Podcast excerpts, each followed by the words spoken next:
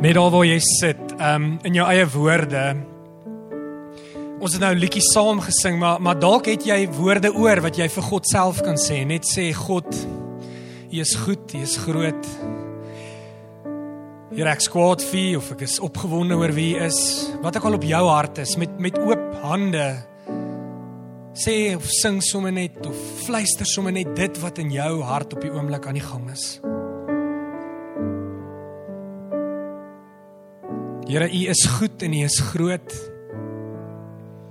En en U verdien dit dat U kinders, U volk eintlik die hele tyd dit doen wat ons nou doen. Here Jesus, so ons ons ons kies om dit ook te gaan wees in die week wat kom om regtig vanuit 'n plek van lofprysing en aanbidding by hierdie groot en heilige troon, Here Jesus, in verwondering van dit wat daar is, wil ons ons hele lewe en alles wat ons gaan wees hierdie week.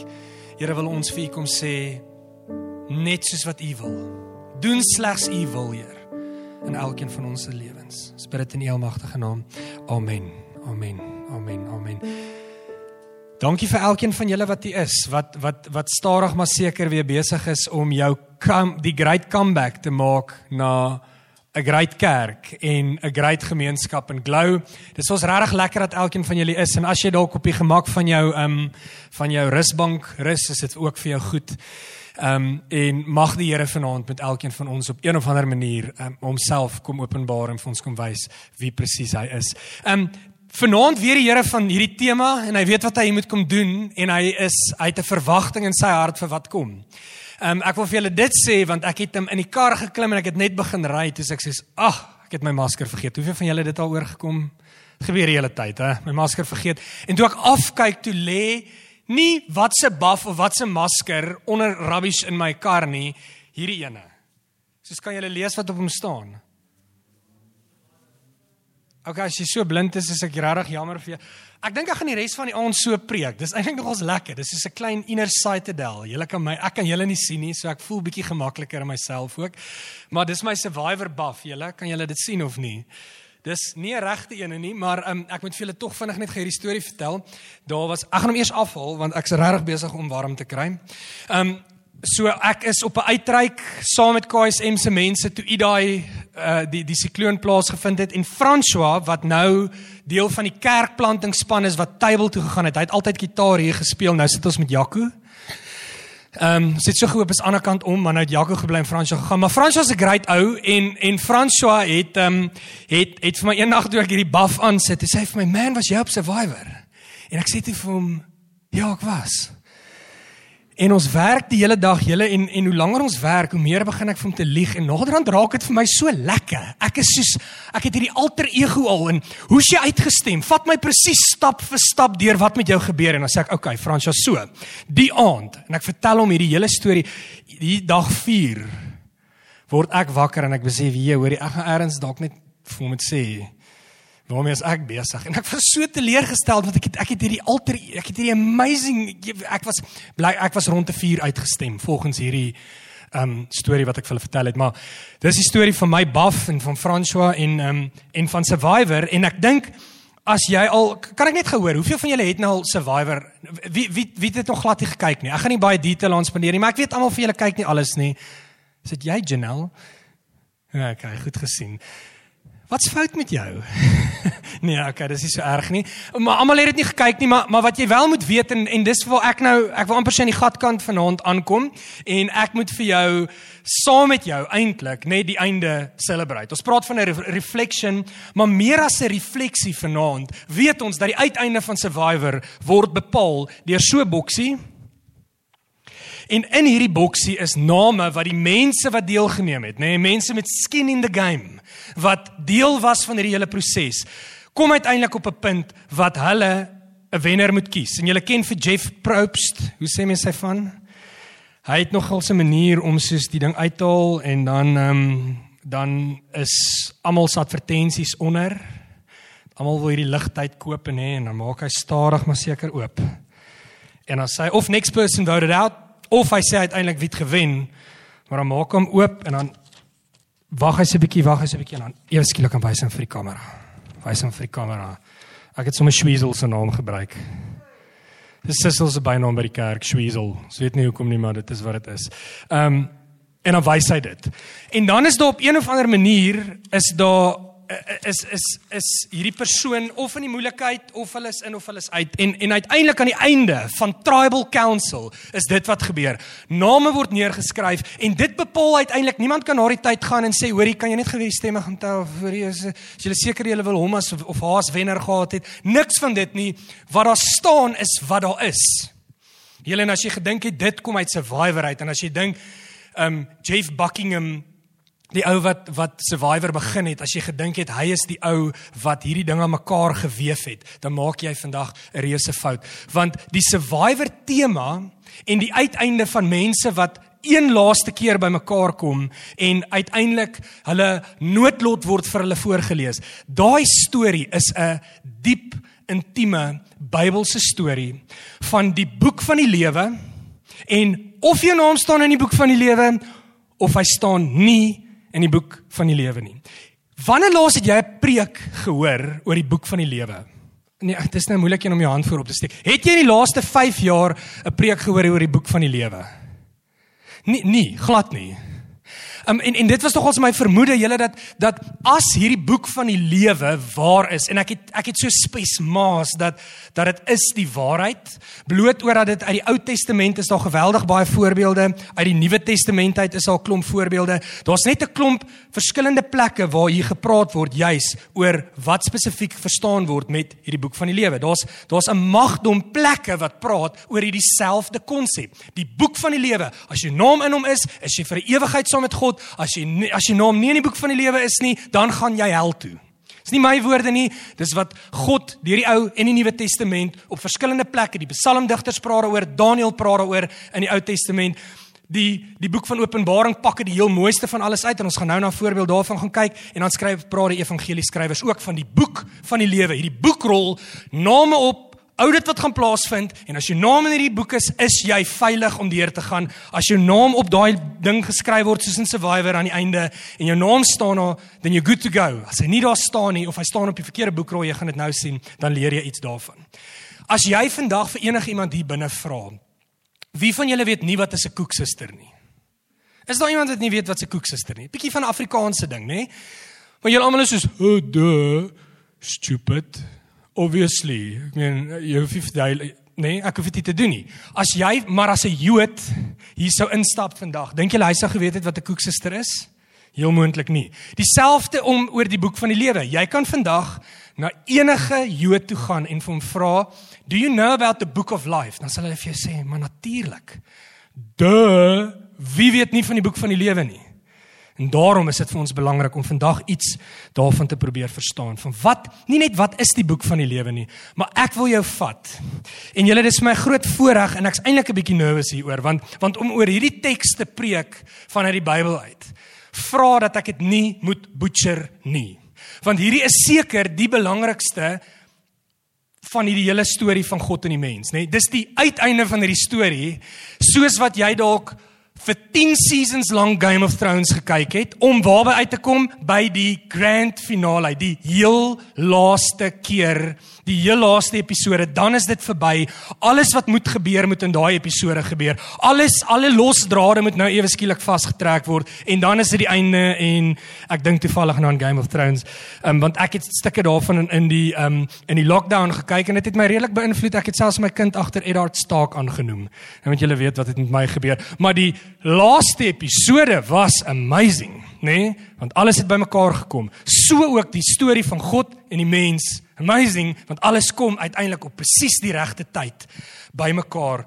En ek wil graag met jou vandag dan nou juist deel die hele verhaal van die boek wat oopgemaak word van die lewe en die dood. Einde van Openbaring. Die storie is verby. Die visioen is gesien van dit wat kan wees, dit wat moet wees, dit wat dit wat die Here ons gemaak het om te wees. Uiteindelik gaan die hele storie sin maak. It's going to happen in 'n oogwink. En ek wil vir jou vra, as jy jou Bybel het, wil jy nie saam met my blaai na Openbaring 20 vanaf vers 11 nie. So as jy die app het, maak hom sommer oop want ek wil hê jy moet dit nie jy moet dit sien en ek hoop regtig dis hoekom ek sê ek's nervous want ek moet hierdie goed moet vandag aan jou hart gaan kleef sodat jy kan uitkom by dit wat die Here ook vir jou vandag deur hierdie wonderlike teksgedeelte wil kom sê.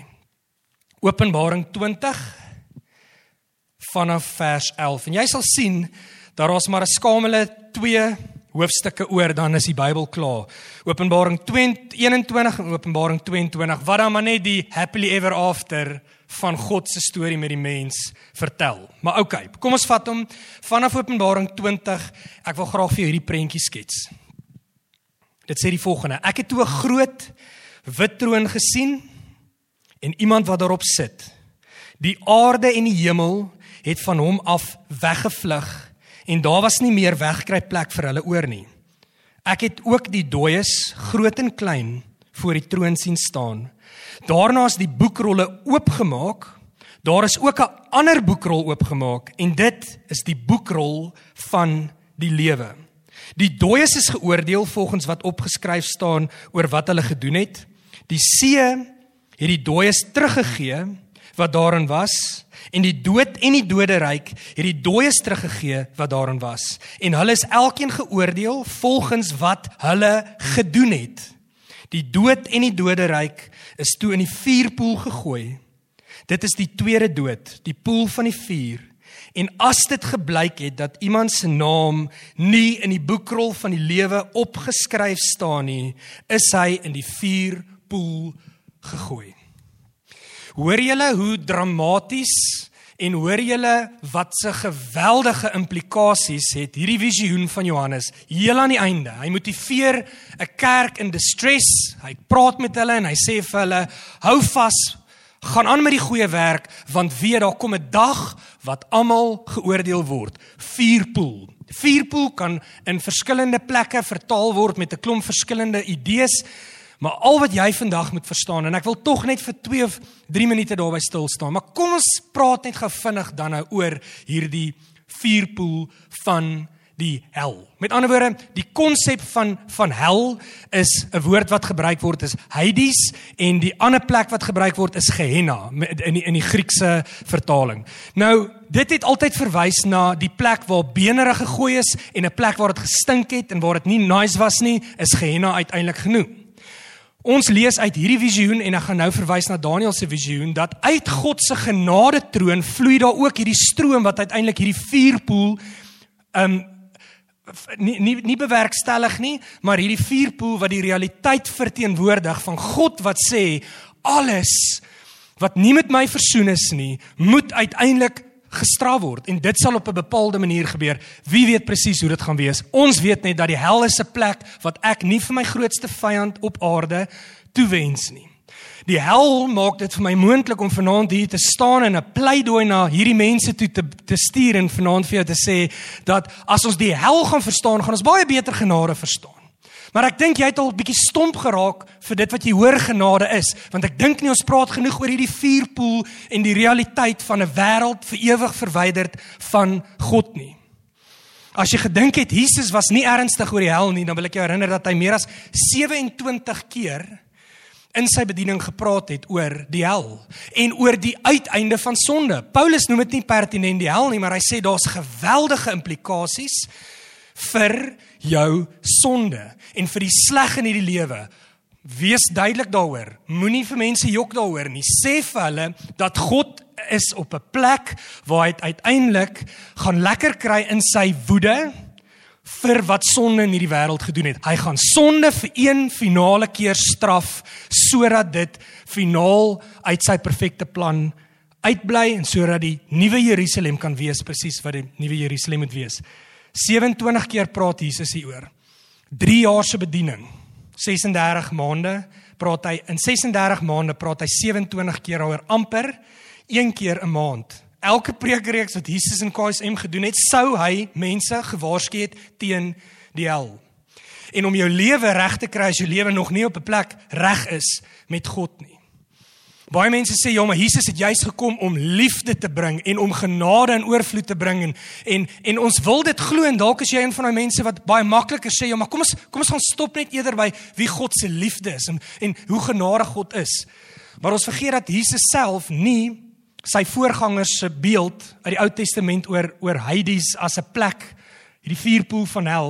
Jesus het nêrens gekom soos wat hy gekom het wat hy gesê het, dit wat julle in die Ou Testament oor vrouens gedink het, julle is totaal en al verkeerd daaroor. Dit wat jy oor die huwelik gehoor het, dis verkeerd daaroor. Dit wat jy gedink het oor oor sonde op die Sabbat, jy's verkeerd daaroor. Jesus raak nie aan dit wat geleer is oor die hel uit die Ou Testament nie. Hy los dit net so, inteendeel dan begin hy op dit te bou agtergrond oor 'n plek wat deur God geskaap is. Hoor mooi, dis nie die duiwel wat dit uitgedink het nie.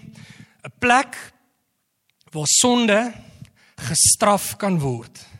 En ek hoop dit gee vir jou baie meer hoop vandag as wat dit jou mismoedig maak want God sê elke onregverdige ding wat met jou gebeur het, wat met 'n familielid van jou gebeur het, elke slegte ding wat gebeur het, het vir God net so kwaad gemaak en het hom net so seer gemaak soos wat jou belewenis dalk vanaand is van dit wat aan jou lewe gedoen het. God sê daar's 'n plek waar onregverdigheid en ongeregtigheid vir ewigheid gestraf sal word. Julle hoor julle hierdie visioen.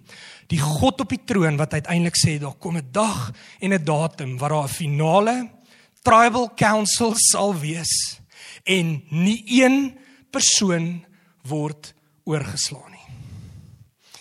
Ons kan nie sê party van julle het weggekruip nie, selfs soos wat jy hier sal lees, die dooies uit die see want in die ou antieke ooste was daar groot ding om te sê dat mense wat in die see dood gegaan het, het die oordeel vrygespring. Die visioen sê anderste. Selfs die mense uit die see, mense wat dood is, mense wat lank terug dood is, oud oud en jonk oud en jonk, almal gaan uiteindelik voor God se oordeelstroon moet staan. Jy hoor, die wêreld hardloop weg. Hoor hoor hoe mooi is dit. Ek het hierdie groot wit troon gesien en iemand wat daarop sit. Die aarde en die hemel het van hom af weggevlug en daar was nie meer wegkruip plek vir hulle oor nie.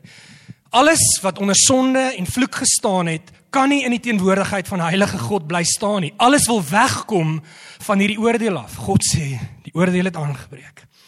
Die boek van die lewe word oopgemaak en dan gebeur die volgende. Ek het die boek en soos ek nou gesê het in, in vers 12, ek het ook die dooies groot en klein voor die troon sien staan. Daarna is die boekrolle oopgemaak. Daar is ook 'n ander boekrol oopgemaak. Dit is die boekrol van die lewe. Twee boekrolle.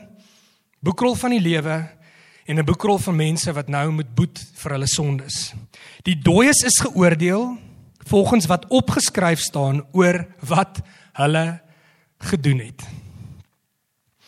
Julle dis 'n dis 'n scary visioen want dit sê tog dat dit is waar dat jou aksies het uiteindelik gevolge. Die goed waarmee jy jouself hier op aarde besig gehou het, gaan uiteindelik onder die oordeel van God staan.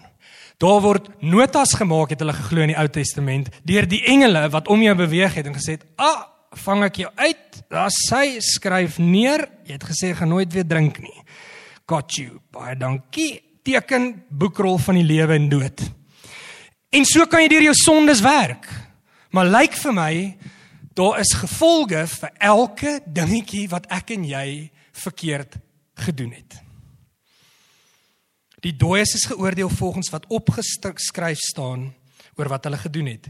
Die see het die dooies teruggegee wat daarin was en die dood en die doderyk het die dooies teruggegee wat daarin was. En hulle is elkeen geoordeel volgens wat hulle gedoen het. Die dood en die doderyk is toe in die vuurpoel ingegooi. Is dit nie veel incredible nie? Die dood en die doderyk is ook in die hel in hierdie vuurpoel weggegooi. Dood wat een van die grootste vreesaanjaendste goed is waardeur enige mens moet gaan om te dink dat die persoon wat langs jou vandag sit vir wie jy ontsaglik lief is. En baie van julle is al deur geweldige trauma en ons weet wat het COVID in ons wêreld kom doen, geliefdes van ons kom wegruk. God sê aan die einde van hierdie storie In die laaste episode op die reunion dan sê hy kyk gou die hou vas van dood en wat dood gedoen het aan families en die trane wat gevloei het van as gevolg van dood het ek ook as 'n konsep in hierdie vuurpoel gegooi. Dood waar is jou angel? word al later geskryf. Maar dood sal nooit weer die hou vas hê wat dit moes gehad het nie. En dan heel aan die einde en ek wil graag vinnig net daarna verwys En as dit gebleik het dat iemand se naam nie in die boekrol van die lewe opgeskryf staan nie, is hy in die vuurpoel gegooi. Hierdie beeld, hierdie visioen, soos ek vir jou gesê het, die boek van die lewe konsep is niks niets nie. Maar ek wil jou tog gou vat na na Daniël se profesie toe. Sy visioen van die einde. Sy visioen van Tribal Council, die heel laaste een. Hierdie is wat Daniël te sê gehad het. And by the way, julle Daniël was nogals hy drome uitgelê vir die koning wat gemaak het dat hy dat hy sy lewe um, kon bespaar het. Julle onthou hom in die leeukuil, hy het letterlik saam met hongerleeu's geslaap, niks het met hom gebeur nie. So Daniël het regtig naby aan God geleef. Hy droom op droom uitgelê en wanneer hy dan hierdie visioen kom neersit, hoor gou of dit vir jou bekend klink van wat jy gehoor het wat Johannes geprofeteer het heel aan die einde. Jy kan saam my blaai as jy wou na Daniël 7 vanaf vers 9. Daniël 7 vanaf vers 9. Daniël 7 vanaf vers 9. Hoor die ooreenstemming met dit wat jy gehoor het nou net in Openbaring 20. Dit sê die volgende in vers 9. Terwyl ek staan en kyk, is daar trone neergesit. Hy wat ewig lewe het daarop gaan sit. Sy klere was wit soos sneeu. Dit het ons eers gehoor. Die hare op sy kop was so suiwer wol. Sy troon het vier vlamme gehad en wiele van brandende vuur. 'n Rivier van vuur het van hom af weggevloei. Duisende der duisende het hom gedien en tienduisende is tot sy diens. Die verhoor het toe begin en die boeke is oopgemaak. Die verhoor het begin sonde moet veroordeel word. Johannes het dit ook raak gesien. Die verhoor het begin en die boeke is oopgemaak.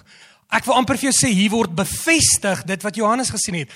Duisende jare uitmekaar uit word hier bevestig dat daar kom 'n dag en 'n datum wat ek en jy gaan aanmeld vir een finale tribal council. Jou naam gaan of in die boek van die lewe staan of jy gaan veroordeel word vir elke verkeerde ding wat jy gedoen het want God haat sonde. Hy sê hy kan nie daarmee assosieer nie. 'n Heilige goeie God sê ek kan nie met hierdie goed assosieer nie want as ek sonde goedkeur, moet ek die gevolge van sonde ook goedgekeur het en ek kan nie dit vir my mense ek ek ek, ek kan dit net eenvoudig nie doen nie.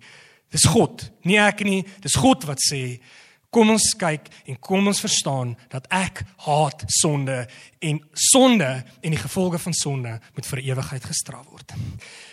Ek wil teruggaan na Openbaring 20 toe en ek wil vir een laaste vraag vra want want jy sien die een ding wat my gepla het van van as mens dit raak sien is dit is dit hierdie konsep van het julle gesien of raak gelees dat daar 'n veroordeling is vir mense wie se naam in die boek van die lewe staan?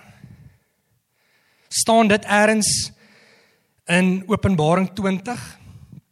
Jy sien al wat ek lees is dat daar uiteindelik veroordeling is vir mense wie se name nie in die boek van die lewe staan nie. Daar staan nêrens dat jy weer eens veroordeel moet word as jou naam in die boek van die lewe staan nie. En dit het my gepla want ek het gewonder maar moet ek nie dalk net nog een keer Here vir mense sê of op grond van hoekom ek hier op aarde en waarmee ek myself besig hou het, is dit nie dalk nodig vir my om dalk net weer by daai troon waar vir almal um, neerval en dalk staan my naam in die boek van die van die lewe. Moet ek dalk nog net een keer sê hoekom nie? Julle en dan lyk dit nie vir my asof dit enigstens vir eniges van ons nodig is om ooit weer te sê hoekom nie. En ek wil jou vat na hierdie ongelooflike gedeelte toe in Johannes 5 vanaf vers 22 wat my vraag en ek hoop dit kan jou vraag vanaand ook beantwoord wat die volgende sê. Die Vader in Johannes 5 vers 22 die Vader veroordeel niemand self nie. Hy het die volle oordeel aan die seun oorgelaat. Daarom moet almal wat die seun eer net soos hulle die Vader eer wie nie die seun eer nie eer ook nie die Vader wat hom gestuur het nie. Dit verseker ek julle. Wie my woorde hoor en wie vertrou op hom wat my gestuur het, het die ewige lewe. Hy kom nie in die oordeel nie, maar het reeds oorgegaan uit die dood na die lewe. Kan ek dit weer vir jou lees? Hy kom nie in die oordeel nie, maar het reeds oorgegaan uit die dood na die lewe. Ek verseker julle, daar breek 'n uur aan en dit is nou wanneer die dooies die stem van die seun van God sal hoor en die wat dit gehoorsaam het sal lewe. Dit verseker ek julle. Wie my woorde hoor en wie vertrou op hom wat my gestuur het, het die ewige lewe. Hy kom nie in die oordeel nie, ook nie in Johannes 20 nie, nooit weer oordeel nie. Want Jesus het die finale oordeel vir al jou sondes op homself gevat. En elke keer as God uitsien om sonde te bestraf en om te dink hoe hy hoe hy jou bymekaar kan maak vir alles wat jy dalk verkeerd gedoen het al van tevore in jou lewe. Elke keer wanneer daai daai gedagtes oor God sou kon gekom het, dan onthou hy dat hy nie die finale oordeel gevel het nie, maar dat Jesus aan die kruis elke sonde wat jy gedoen het en wat jy nog gaan doen op homself gevat het sodat jou naam in die boek van die lewe kan staan. Julle weet julle wat beteken dit? Verstaan jy dat daar 'n dag en 'n datum kom wat 'n finale tribal council gaan plaasvind en jy gaan net deurloop? Jy gaan niks hoef te verduidelik nie want hoe's jy gered? Uit genade alleen. Niks werke nie. Hoor julle iets hier van werke? Ja, ons doen goeie goed want want ons doen dit uit eerbiedigheid en uit dankbaarheid. Maar wanneer dit kom by die boek van die lewe en die mense wat die pad gaan loop na die nuwe Jerusalem toe, waar daar geen meer trane gaan wees nie, waar daar geen meer pyn gaan wees nie, waar elke vraag waarmee jy vanaand sit wat jy eenvoudig net nie antwoord vir het nie, waar niks van daai goed meer 'n realiteit vir jou gaan wees nie. In die nuwe Jerusalem sê God, jy gaan deurloop en ek gaan nie kyk wat se hande werk jy gedoen het nie. Ek gaan ook nie jou sonde teen jou hou nie, want ek het jou sonde teen my eie seun aan die kruis gaan vasspyker. Come on julle. Wie se naam wil hy nie in die boek van die lewe hê nie? Hoekom sal ons nie uit ons pad uit gaan om mense te soebat en te smeek en te waarsku teen 'n dag van veroordeling van sonde nie? Hoekom gaan ons nie vir elke geleentheid soek om vir mense te sê maak jou saak reg met die Here? Want God is onsaglik lief vir jou. Hy het gesê in plaas van my straf sal ek vir jou wys dat ek dit op my eie seun sal uitgiet, uitstort sodat jy in 'n regte, egte verhouding met my kan staan en dan kan jy begin leef in oorvloed. Maar wanneer dit kom by die boek van die lewe, sal jou naam in die boek van die lewe staan. En jy sal die geleentheid kry om in God se arms in te kan hardloop. No strings attached. Dis nie my woorde nie. Gaan lees Openbaring 20 geen veroordeling verder nie. Therefore there is no condemnation Romeine 8 for those who are in Christ Jesus. No condemnation. Johannes 5:22 tot 24 bevestig dit so duidelik en so mooi. Daar kom 'n dag wat my en jou tyd hier op aarde verby is. En dan gaan ek dink ek nie baie bekommerd wees oor hoe ek jou vanaand laat voel het nie en of ek te onsensitief was met met sensitiewe goed soos die hemel en soos die hel nie. Dan wil ek hê ek en jy moet in dieselfde ry staan. En sê ons is mense van die boek van die lewe. Ons naam is uitgeskryf. God weet van ons. Nie ons sonde nie, maar op die boekrol van die lewe. Vanuit duisternis uitgeruk tot in die lig. Ek weet nie van jou nie, maar ek wil hê dit moet my getuienis wees. Kom ons bid saam. Here, dit gaan absoluut my verstand te bowe dat ons wat mense van die kerk is nie noodwendig altyd genoeg doen, Here Jesus, met met hierdie waarheid wat deur van Genesis tot Openbaring vir ons vertel dat daar kom 'n finale oordeel. Daar's een laaste tribal council. Daar kom 'n dag wat ek gaan moet rekenskap gee vir dit wat ek hier op aarde gedoen het. Here vergewe ons as ons dit ligtelik afmaak. Want Here, as ons dit ligtelik afmaak, dan dan maak ons sonde ligtelik af en dan lyk ons soos die wêreld. Here, as mense van die boek van die lewe wil ons juis kom sê, dis nie my storie nie. En ek wil vir jou vanaand die geleentheid gee. Dalk ons kan ook sommer die ligte bietjie afsit of of net net donkerder maak want want jy tyd saam met die Here nodig. Nou eerder as as op die dag wat wat alles tot 'n einde kom. Dalk praat God vanaand vir jou en en hy kom sê vir jou ek wil so graag hê jou storie moet in die boek van die lewe geskryf staan. Dalk is die is is is die aanklagte teen jou in hierdie ander boek van Openbaring 20 en Daniël 7 is deurspek met soveel terrible, vuil stories dat jy amper gedink het vanaand dat die vuurpoel van die hel is eintlik maar jou enigste realiteit. Dis al wat jy verdien. God wil vir jou spesifiek vanaand kom sê, dit is wat hy kom doen het aan die kruis. Hy het vir ons kom wys wie hierdie God is dat hy ons so onsaglik liefhet. As jy weet vanaand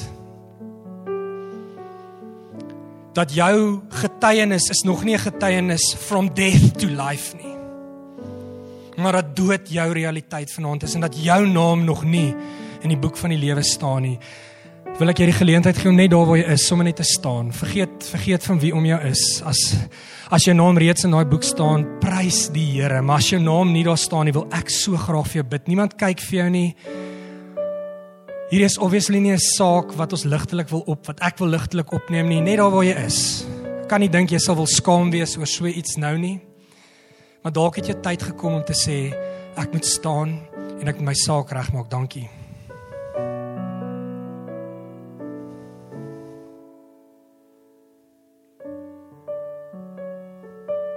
Dis die dis die braafste belangrikste besluit wat jy in jou hele lewe sal neem en ek sê dit vir jou net want ek lees net wat op ons wag.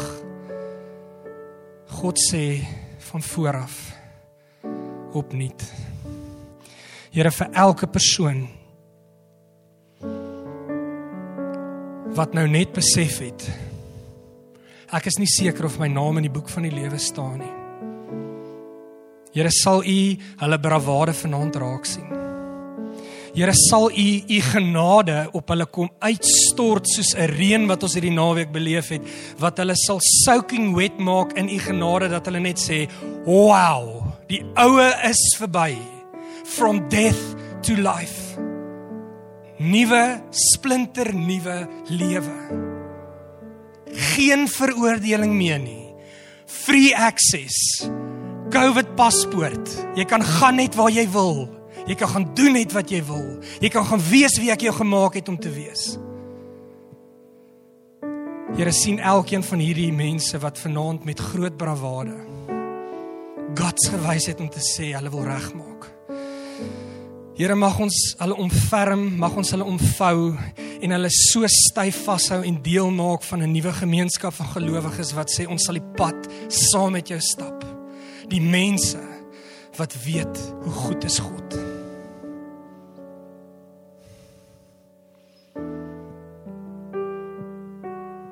Net daar waar jy dalk sit en dalk dalk dalk is daar nog soveel goed wat jou terughou. Kom ek gee jou net 'n oomblik om met die Here te kan praat en as jy met oop toe en as jy staan sê net Here Jesus ek aanvaar u kruisdood as die offer wat ek nodig gehad het om in right standing te kom met 'n lewende God wat gaan oordeel oor lewende mense en dooie mense.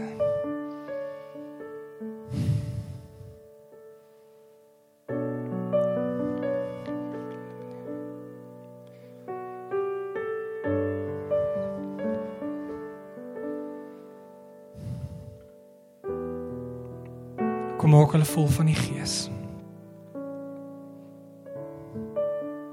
En stuur hulle uit met 'n boodskap dat Tribal Council is op pad. En nie almal se name gaan in die boek van die lewe staan nie. Mag ons mense daarmee help.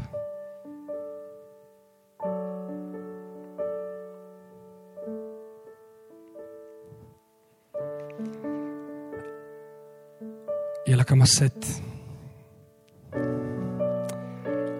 Amen en amen en haleluja. Prys die Here vir elke mens. Kom ons gee sommer vir hulle hande klap. Hulle weet wie hulle is, maar maar ek weet ons het nie 'n bestaansrede op aarde as dit nie is om plekke te maak waar mense hierdie belangrike keuses in hulle lewens kan neem nie.